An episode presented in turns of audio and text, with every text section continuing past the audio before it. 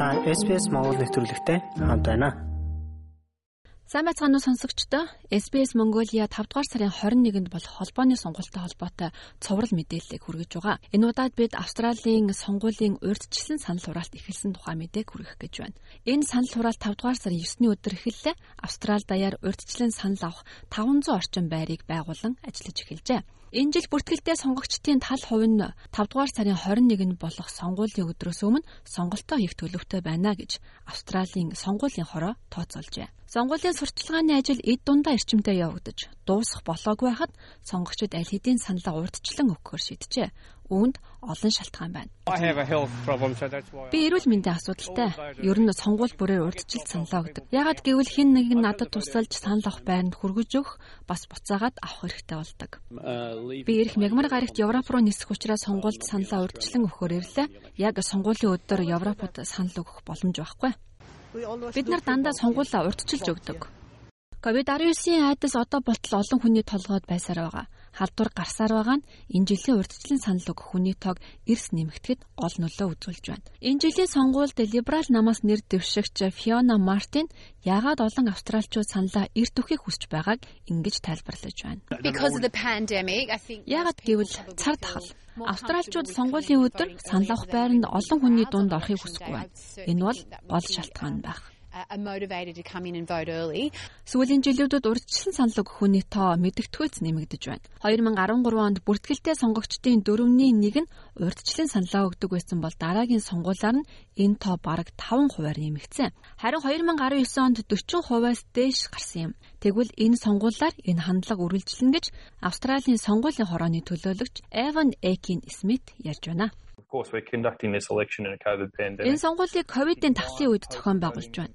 Хэрв 2019 оны холбооны сонгуульд шуудангийн санал хураалт болон урьдчилсан санал хураалтыг нийлүүлж тооцвол нийт бүртгэлтэй сонгогчдын 40 орчим хувь нь урьдчил саналаа өгсөн. Эндээс Австралийн санал өгсөн хүн амын тал хувь нь сонгуулийн өдрөөс өмнө саналаа өгчдөг болсныг харж байна.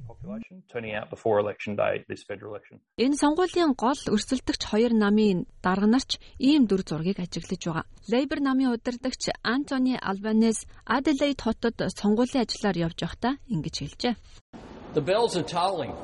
5 дугаар сарын 9-нд урьдчилан санал хураалт эхэллээ.